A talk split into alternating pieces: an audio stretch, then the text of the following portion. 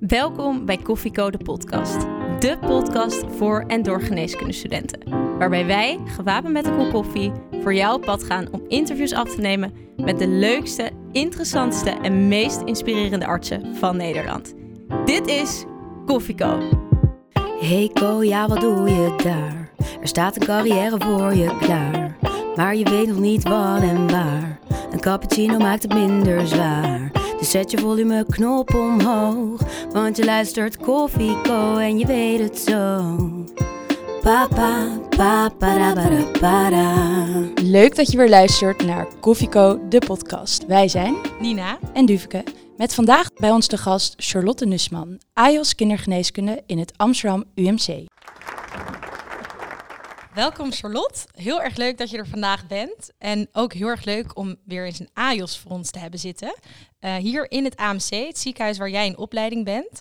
Kan je ons vertellen hoe jouw dag er vandaag uitzag? Dankjewel voor het welkom allereerst. Ik ben super vereerd om hier te zijn. Heel leuk. Ehm, mijn dag ja, was eigenlijk wel een spannende dag, want ik, eh, ik had de eerste dag als junior supervisor, zoals dat heet. Dus op het moment dat je een beetje richting het einde van je opleiding eh, komt, dan ga je een paar maanden doen alsof je al kinderarts bent. Ehm, en dan eh, nou ja, ben jij de baas op de afdeling. En dus dat was vandaag mijn eerste dag als baas in plaats van als AJOS. Dus dat was eigenlijk wel heel leuk. Heb je het idee dat je bekwaam genoeg bent om nu te superviseren? Ja, dus je, je hebt ook in je opleiding een soort van eh, bekwaamheidsverklaringen. Dus die heb ik zeg maar objectief gezien ook allemaal afgetikt. Maar het voelt ook zo. En dat is wel, dat is wel prettig. En tegelijkertijd voelt het ook wel dat ik nog flink kan groeien erin. Dus nou ja, eigenlijk supergoed. En om maar meteen met de deur in huis te vallen, waarom heb je voor de kindergeneeskunde gekozen? Poeh, ja, dat is eigenlijk iets wat ik eh, achteraf pas eh, goed heb kunnen verklaren. Ik ben iemand die een keuze maakt op onderbuik en op gevoel. Eh, en ik ben ook iemand die eigenlijk alles leuk vond. Dus ik vond heel veel kooschappen interessant. En toen uiteindelijk ehm, nou, werd ik super nieuwsgierig en enthousiast van de kindergeneeskunde. En toen dacht ik later, waarom is dat nou eigenlijk zo? En ik denk dat het ook wel, dat het vooral eigenlijk te maken heeft met eh, het feit dat ik een klein verschil kan maken in een periode die heel erg bepaalt wie jij bent voor de rest van je leven. Dus als je nadenkt over vrienden of familie om je heen, eh, wie zij zijn en waarom ze zo zijn, denk ik dat je dat heel vaak goed kan verklaren door de jeugd die ze hebben gehad en de opvoeding die ze hebben gehad en de dingen die ze hebben meegemaakt. Of door de ziektes die ze hebben meegemaakt, of de ziekenhuizen waar ze in hebben gelegen. Is de jeugd ook de periode in iemands leven die jou het meest fascineert? Niet per se, want ik weet ook nog heel goed van mijn kooschap, eh, eh, nou ja, wat dan ook, dat je met oudere mensen werkt. eh, dat ik het heerlijk vond om, om bij een bejaarde vrouw op bed te gaan zitten en naar haar oorlogsverhalen te gaan luisteren of met haar te praten. Dus dat, dat heeft niet per se met de jeugd te maken. Ik denk dat ik de mensheid in zijn algemeenheid heel interessant vind. En voel je je op je plek bij de kindergeneeskunde? Dat kan ik denk ik wel zeggen, want ik ga iedere dag met heel veel plezier naar mijn werk. En ehm, nou ja, ik voel me zeker, ik voel me vrij, dus dat is heel goed. En ik denk alleen niet dat ik het typische kindergeneeskunde meisje heb, ben zoals je, dat, zoals je dat misschien voor je ziet. En hoe, wat is het typische geneeskunde meisje dan? Kindergeneeskunde? Eh, is misschien redelijk perfectionistisch, eh, gepromoveerd. Nou, dat ben ik dan wel, maar ehm, nou, misschien een beetje perfectionistisch en meisje-meisje-achtig. Ehm, en dat ben ik niet. En dan ben ik wel benieuwd. Je bes- beschrijft nu het perfecte kindergeneeskunde meisje. Hoe zou een afdeling eruit zien met alleen maar Charlotte Nussmans? Nee, dat is, dat is denk ik niet goed hoor. Maar ik denk überhaupt dat we, we hebben gewoon superveel eh diversiteit nodig om een team en een afdeling te laten werken. Dus je hebt eh, Charlotte Nusmans nodig, maar je hebt ook de, nou ja, ik zei misschien perfecte kindergeneeskunde meisjes, maar ik bedoel misschien perfectionistisch. eh, gewoon iemand die echt controle wil hebben. En dat ben ik ook wel in zekere zin, maar ik denk niet het, het gemiddelde daarin. Maar en hoe ben jij dan als kinderarts? Mm, ik in ben- wording. Ja, ik ben iemand, denk ik, die heel erg eh, van de grote lijnen houdt en niet te veel op de details zit. Wat aan de ene kant denk ik, nou ja, daar kan een afdeling en een kindergeneeskunde best wel baat bij hebben, omdat er veel mensen zijn die, denk ik, wel op de details zitten. Ook terecht, hè, want het gaat over kinderen en dat is super belangrijk. maar ik ben gewoon best wel een pragmaticus. ehm, dus ja, daarin verschil ik misschien een beetje. Hoe ziet het leven van een AJOS kindergeneeskunde eruit? Heel leuk. Eh, ik heb een leuk leven en ik, en ik hou van mijn baan. Eh, het is wel een druk leven, dus je hebt best wel veel dienst. En dat is denk ik echt iets voor, voor iedereen die het vak overweegt om... eh, ja, dat, dat moet je je echt goed realiseren. Meer dan andere specialismen. Nou, vergelijkbaar met de chirurgie of de interne of de neurologie. Eh, maar het is gewoon een, een vak in het ziekenhuis waar je veel dienst hebt en waar je dus veel opofferingen voor je eh, privéleven moet doen. Voel je dat ook zo? Ehm, nee, want ik vind het heel leuk om dienst te doen. En ik, ik vind dat misschien nog wel het leukste van het hele vak. Gewoon dat het niet over de, de, nou ja, de details gaat, maar gewoon over de grote lijnen en de dingen die echt moeten in het weekend. Ehm, dus eh, ik voel dat niet zo als, als dat het voor mij een belasting is. Maar dat is wel iets om, wat heel goed is om over na te denken. Even wat anders. Ehm, we hebben allebei een kooschap, Diefke en ik hebben allebei een kooschap bij de kindergeneeskunde gelopen. En er was een vraag die allebei bij ons door ons hoofd ging. Kan een kinderarts daadwerkelijk van kinderen houden? Je doet ze namelijk eh, veel pijn, je prikt ze, je doorbreekt hun veilige kokon. Super goede vraag. Ik denk ook misschien dat we het niet, niet eens kindergeneeskunde moeten noemen, maar oudersgeneeskunde. Uh, en ik denk dat het een hele terechte vraag is, want misschien moet je wel niet eens kindergeneeskunde gaan doen omdat je kinderen leuk vindt. Uh, want die kinderen zijn ziek, zijn helemaal niet leuk. En als jij bij ze bent, is het al helemaal niet leuk. Uh, dus ik denk eigenlijk dat je vooral van de ouders ook moet houden. En hou jij van de ouders? Ja, ik vind dat misschien wel het leukst van mijn vak. Waarom?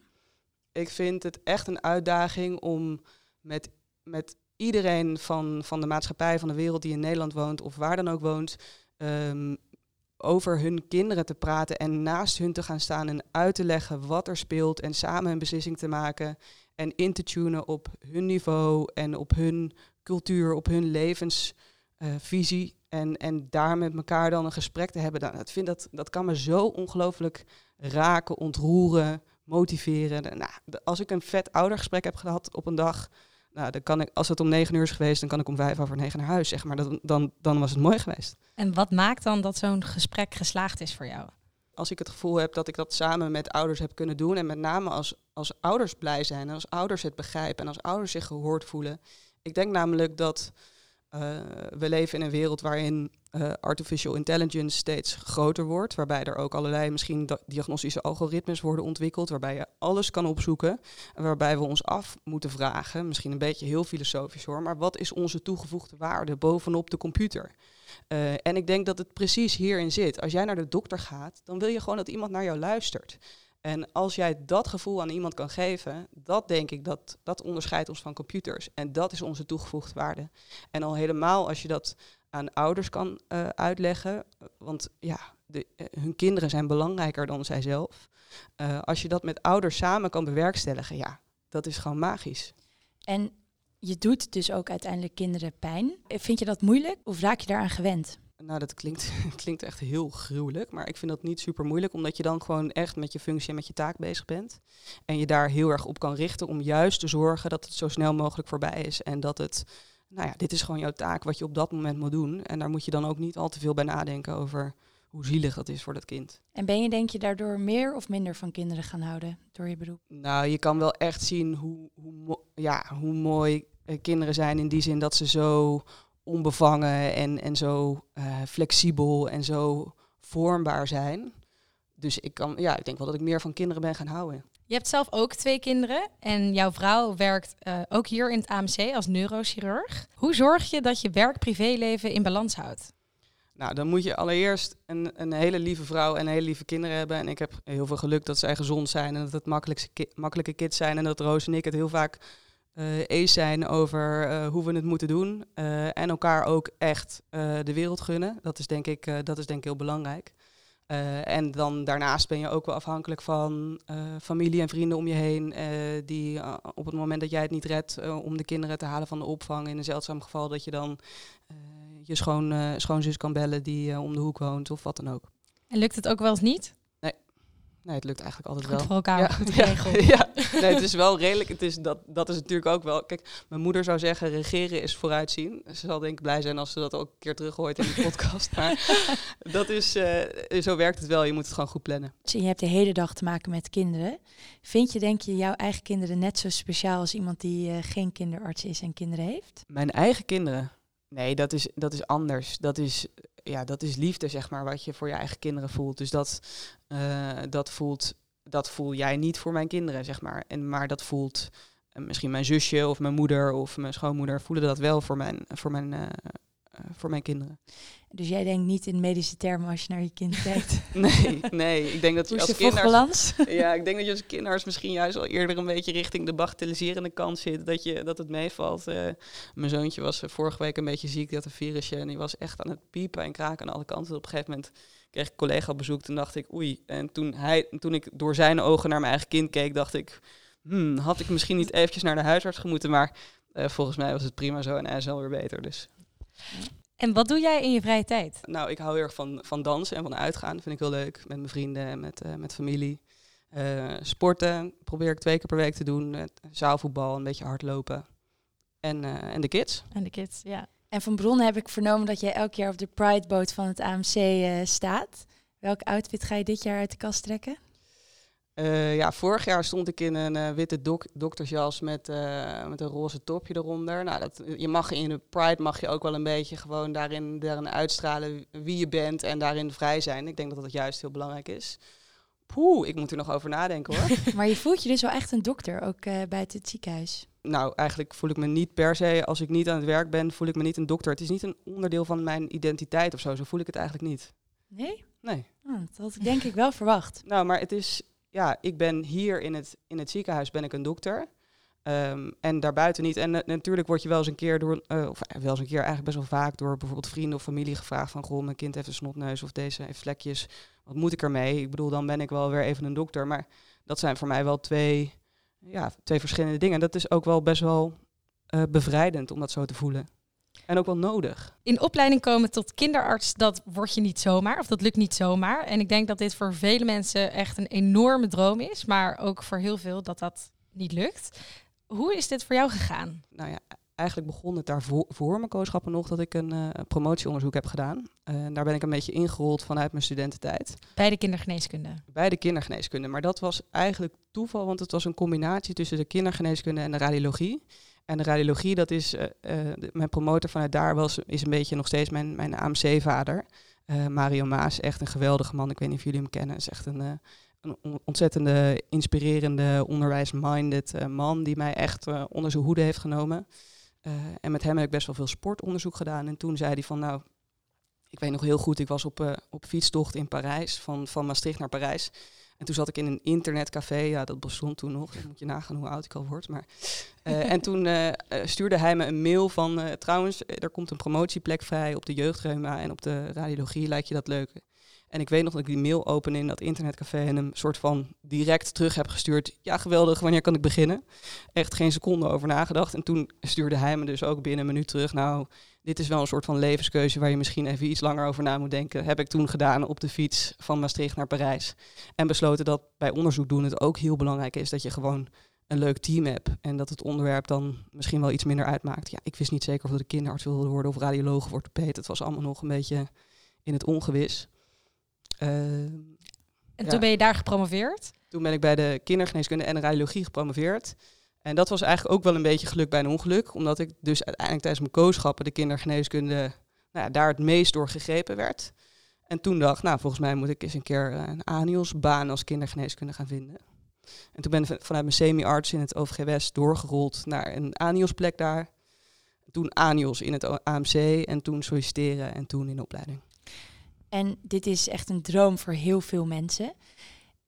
Ik kan me dan voorstellen als je eenmaal AIOS bent dat je denkt, nu hoef ik me geen zorgen meer te maken. Maar is dat ook echt zo? Zorgen maken waarover? Over je toekomst, over een baan. Nou, ik probeer best wel in het moment te leven en af te gaan op mijn buik en, en, en wat ik leuk vind in het moment. Dus ik maak me dan, kijk, eh, kijk, ik heb misschien wel een idee wat ik dan uiteindelijk straks naar de opleiding wil, wat ik wil gaan doen. Dat ik misschien een fellowship neonatologie wil gaan doen. Nou, daar heb ik dan wel redelijk mijn, mijn pijlen op gezet. Maar dan eh, kan je ook nadenken van ja, maar als je dan straks eh, fellow en en neonatologie bent en je bent dan uiteindelijk neonatoloog, dan is de kans groot dat je in een algemeen ziekenhuis gaat werken. En wil je dat dan wel? En is er dan wel een baan? En is er wel een... Nou, nee, dat duurt allemaal nog zo lang. En wie weet wat ik dan wel weer leuk vind. Eh, We gaan het wel zien. Bekijk het gewoon stap voor stap. Ja, dag voor dag. En wat maakt nou dat iedereen zo ontzettend graag kinderarts wil worden? Tja, dat is echt een goede vraag, Duveke. I don't know, man. Ja, ik denk dat het wel echt een mooi vak is. Het is heel breed. Het is echt van 0 tot 18. Eh, heel veel verschillende ziektebeelden. Eh, ja, mi- misschien heeft het met imago ook te maken. Ik weet niet. Wat denk jij? Ik denk dat wel een beetje ook. Ja. En ik denk dat het feit dat het zo gewild is en moeilijk is om in te komen, dat dat ook iets. Ja. En Versterkt. natuurlijk, ja, de charme van kinderen, dat lijkt me ook dat dat meespeelt. Ja, maar misschien is het imago ook wel, ook wel een dingetje. Dat het imago heeft van het hoogste haalbare. En het feit dat het zo gewild is, merk je dat op de, eh, op de afdeling? Mm, nou, niet direct eigenlijk. Ik bedoel, je merkt natuurlijk wel dat er, er zijn veel ANIOS, ook in een academisch ziekenhuis, die allemaal heel goed zijn en die allemaal een opleiding willen. En dat is natuurlijk wel ingewikkeld en kwetsbaar. En dat zijn je collega's. Dus daar zit je mee aan de koffie en daar heb je het mee over. Van hé, hey, en hoe gaat het dan? Wanneer mag jij solliciteren? En hoe is het voor je? Hoe gaat het met je? Ja, dat is gewoon een zenuwslopend traject. En is er sprake van ellebogenwerk tussen ANIOS en kindergeneeskunde? Ik heb dat zelf nooit ervaren. En Nee, toen ik ANIOS was, heb ik dat niet eh, als vervelend ervaren of eh, daar last van gehad. Maar eh, mi- misschien is dat wel zo. Nou, we zien dat je echt heel veel plezier hebt in jouw vak. Zijn er ook momenten waarop dat iets minder is? Ja, dit, daar heb ik echt hard over nagedacht. Maar ik ben ook echt wel een soort van rasoptimist. Dus ik vind het echt moeilijk om daar wat over, over te bedenken. Wat ik misschien jammer vind, is wa- wat ik eerder ook al zei, dat, dat het soms voor mijn, mijn gevoel een beetje te veel over details gaat.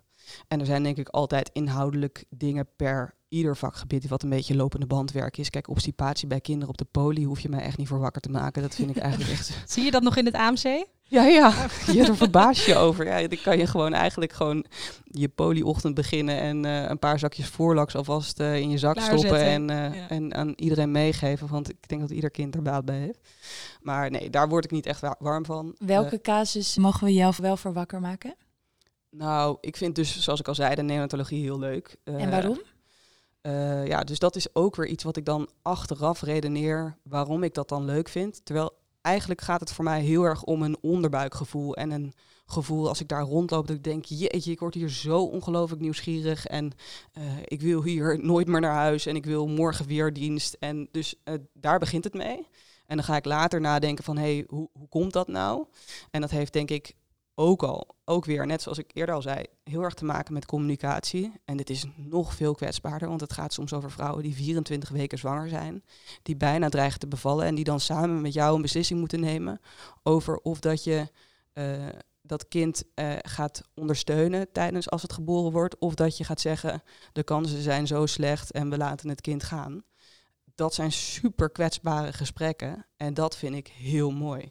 Ehm, en een tweede ding wat ik heel vet vind is eh, zeg maar het acute. Echt een beetje, ik ben ook een beetje adrenaline junkie. En dat je daar dan in zo'n moment staat en merkt dat je, dat je hoofd juist opheldert. In plaats van dat er wolken in komen. Dat is echt een lekker gevoel.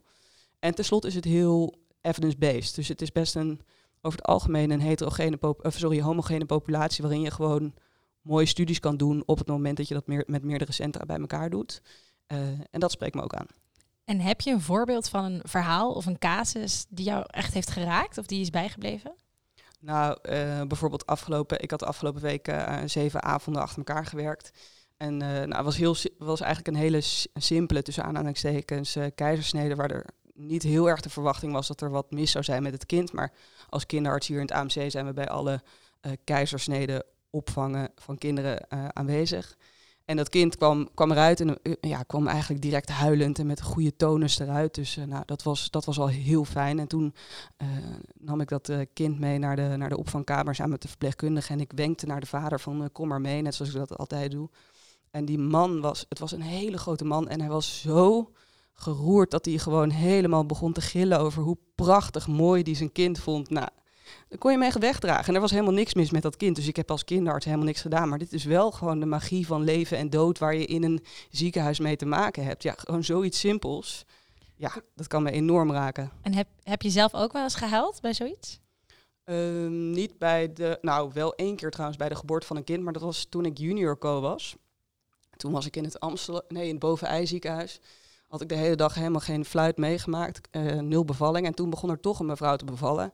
Toen zei die verloskundige tegen mij, eh, tegen het einde van de bevalling, nou, zometeen trek even je blauwe handschoenen aan. Als het kind geboren wordt, pak je het hier en hier vast en dan doe je dit en dit. En ik zo, ho, sorry, even terugspoelen. Ik ga zo meteen het kind aanpakken. Zij zei, ja, ja, dat mag je doen. En nou, ik, dus daar was ik al helemaal vol mijn indruk. Toen pakte ik dat kind eh, zeg maar vast toen het geboren werd. En had ik het zo in mijn handen en hield ik het zo voor me. En toen moest ik echt bijna huilen. En toen dacht ik, kom op, kom op, kom op, kom op. Even vermannen. Kind bij die moeder ge- gelegd en nou, eh, handschoenen uitgedaan. En natuurlijk alles rustig afgerond naar buiten gelopen. Mijn eigen moeder gebeld. Ik was 18, weet je wel, van mama, ik heb net Wat ik heb kind." meegemaakt. ik vond het echt zo prachtig. Maar ik heb nog wel regelmatig op mijn werk hoor, dat ik, dat ik dingen meemaak die me, die me emotioneren. Waar ik dan in het moment zelf echt mijn best moet doen om, om mijn tranen weg te slikken. En heb je dat ook wel eens op een negatieve manier? Dat je echt geraakt wordt en, er, en je verdrietig voelt? Ja, ja, ja, zeker. Ja, dus we hebben ook best wel, eh, ook um, vooral op de IC's, dus op de kinder-IC of op de eh, intensive care voor baby's, de NICU, eh, ook wel kinderen die overlijden. En dat is natuurlijk, dat, dat is schrijnend, dat is verschrikkelijk. En ik vind met name kinderen op de kinder-IC die wat ouder zijn, die al een leventje hebben en ouders hebben en van voetbal houden en dan door een auto-ongeluk doodgaan, ja, dat vind ik extreem moeilijk. Eh, en dan helpt het mij heel erg om me gewoon te richten op eh, mijn functie en mijn taak op dat moment. En dan op het moment dat het kind is overleden, dan eh, gaan we gewoon naar een kamertje apart. En dan moet ik gewoon misschien eventjes huilen tegen de schouder van een collega. En dan is het ook alweer weg daarna. Maar ja, dit is gewoon natuurlijk verschrikkelijk om een kind te zien doodgaan. En neem je je werk wel eens mee naar huis?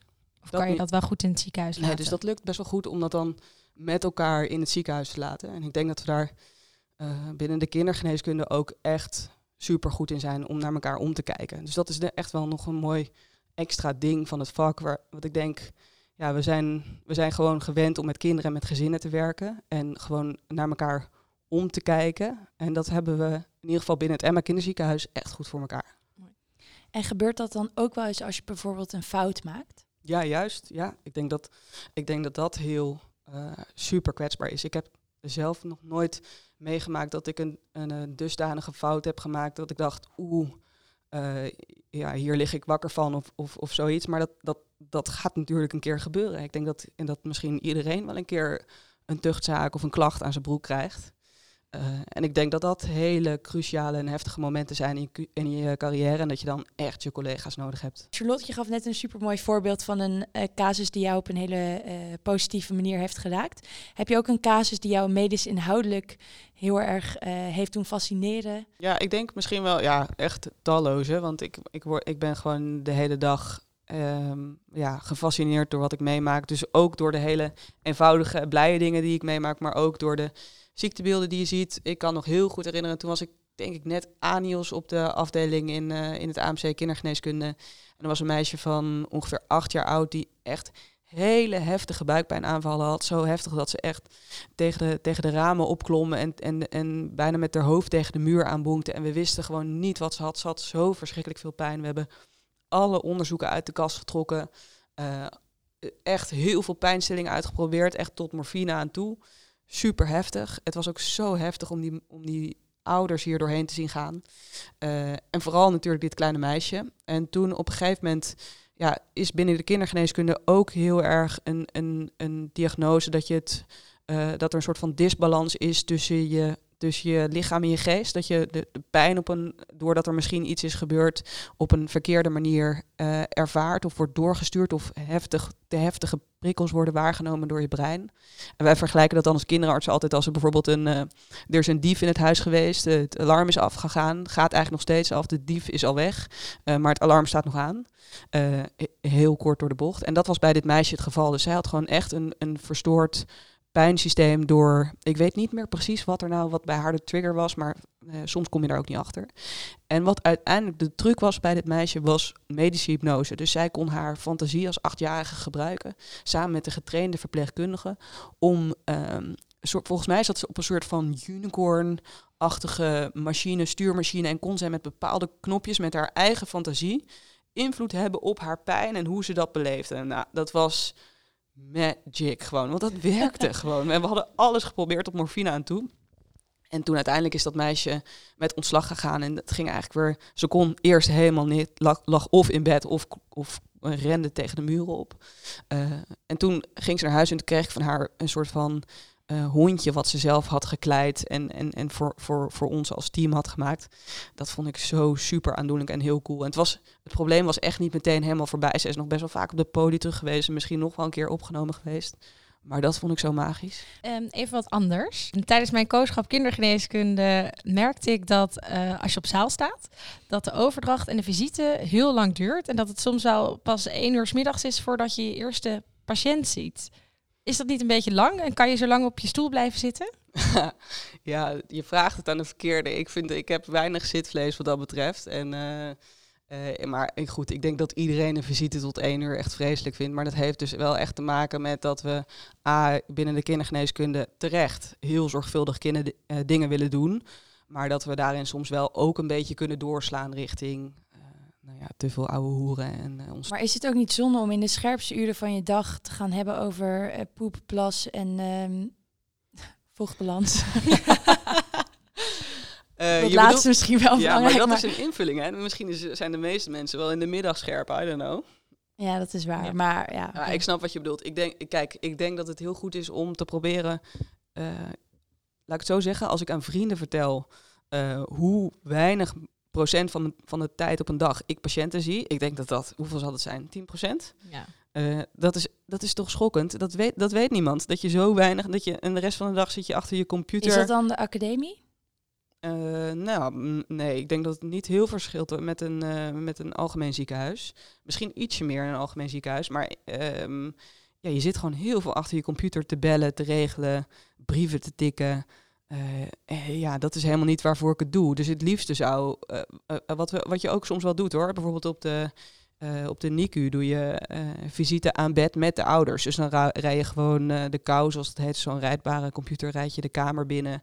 En dan ga je daar samen met ouders en verpleging en naast de baby die daar dan ligt, alle aandachtspunten van de dag langs.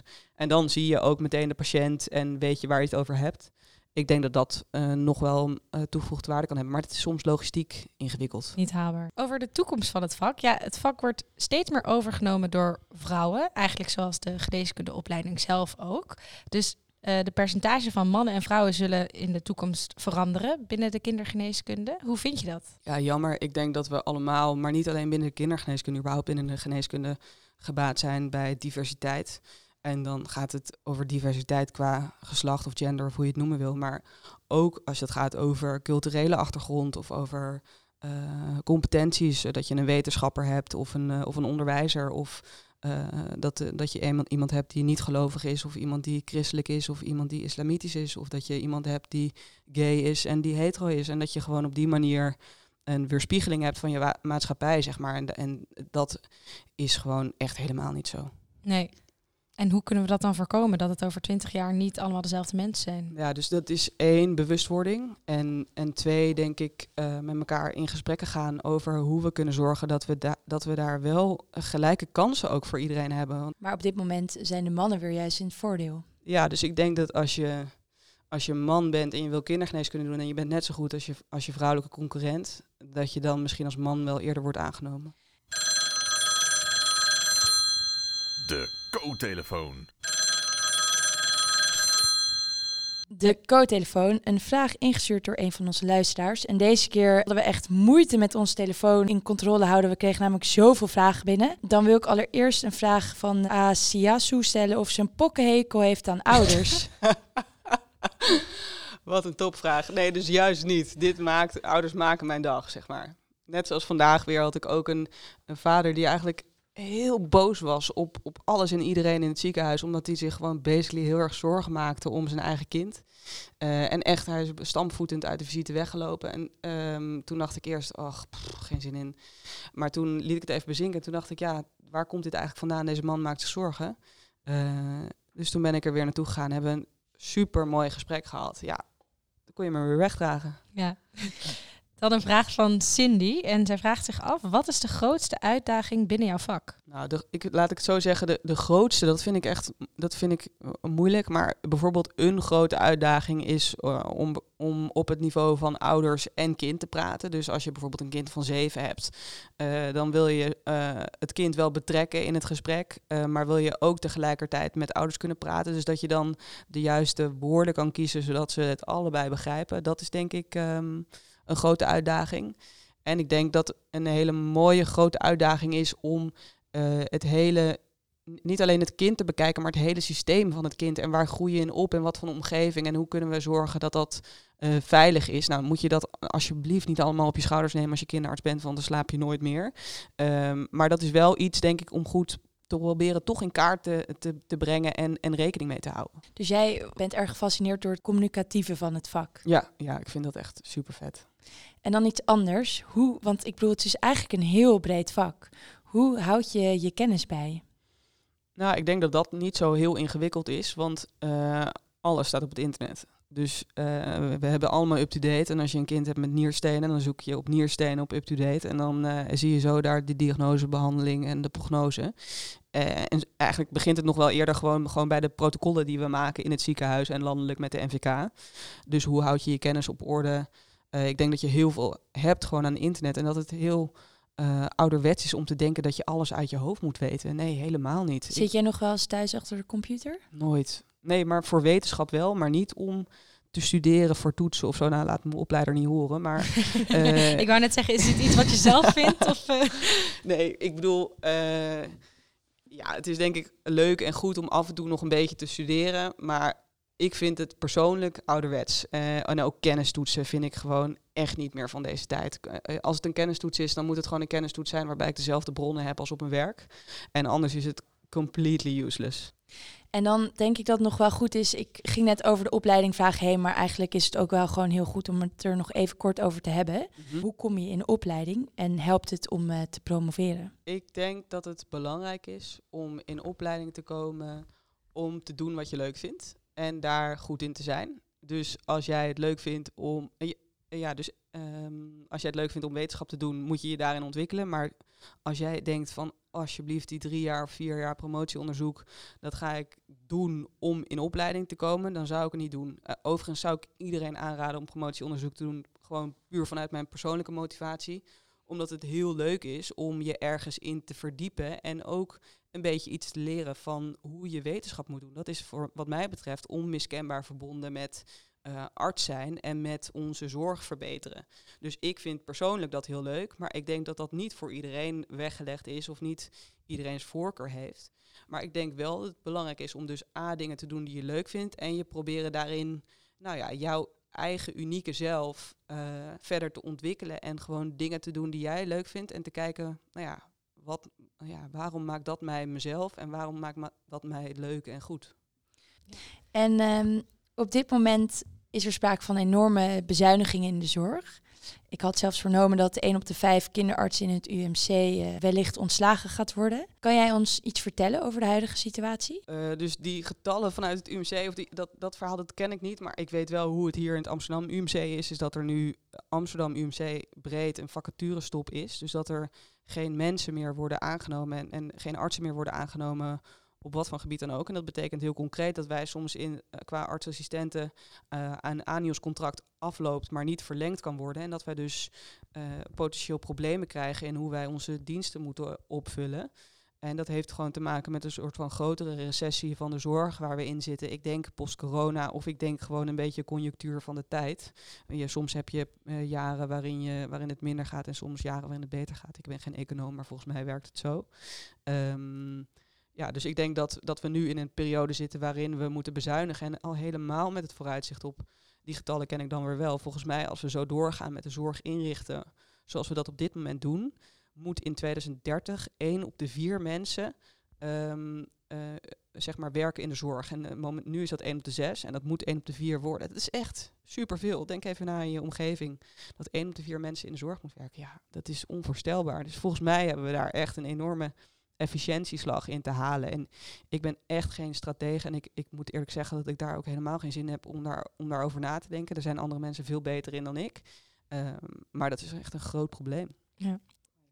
En wat als je eenmaal kinderarts bent? Zijn er dan dingen die je gaat veranderen? Als alles mogelijk zou zijn? Oh, zoveel. Als alles mogelijk zou zijn. Wat een uh, brede vraag. Ik denk, ik maak me heel erg hard altijd voor, voor gelijkheid, gelijke kansen.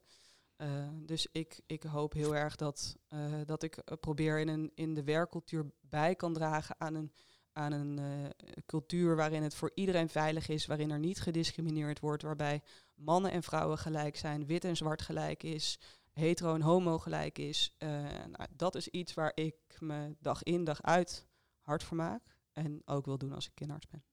Mooi. Nou, dit was jouw toekomst en we zouden je graag willen vragen om mee te denken voor de toekomst van onze luisteraars. Dus ehm, hoe weet je voor welk vak je moet kiezen? Kan je een tip geven aan onze luisteraars? Ja, dus ik denk dat je basically misschien heel zwart-wit met twee typen mensen hebt. Mensen die heel veel leuk vinden en mensen die eh, weinig leuk vinden en vanaf begin af aan weten dat ze chirurg of kinderarts of wat zo even willen worden.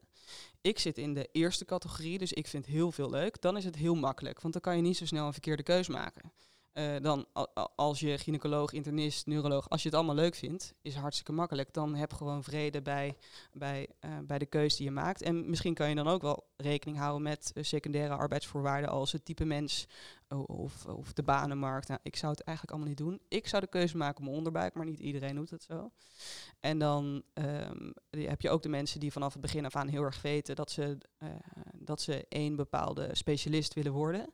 Ik denk dat dat super mooi is en dat je goed kritisch bij jezelf te raden moet gaan of dat iedere dag of dat dan nog steeds zo is. En in, in dit hele algemene proces is het altijd, vind ik, heel moeilijk om echt de pure inhoudelijke keuze los te zien van de randvoorwaarden. Dus je hebt een kooschap kindergeneeskunde, dat heb je gedaan. Heb je een paar hele toffe mensen ontmoet, je hebt een leuke tijd gehad. Het was altijd gezellig bij de koffie, het ziekenhuis zag er mooi uit. Ja, kindergeneeskunde is misschien wel een mooi vak, maar heeft dat te maken met de inhoud van het vak of met die randvoorwaarden? En dat is super moeilijk, om, vond ik tijdens mijn kooschap ook super moeilijk om uit elkaar te houden. Charlotte, dankjewel dat je ons hebt meegenomen in jouw leven als AJOS kindergeneeskunde hier in het AMC. En beste luisteraars, jullie ook weer heel erg bedankt voor het luisteren. Iedere twee weken zien jullie een nieuwe aflevering verschijnen en er komen weer een heel veel leuke nieuwe dingen aan. En we hebben een nieuwe miniserie over het beroep van de huisartsen, dus blijf luisteren. Pa pa pa para para para.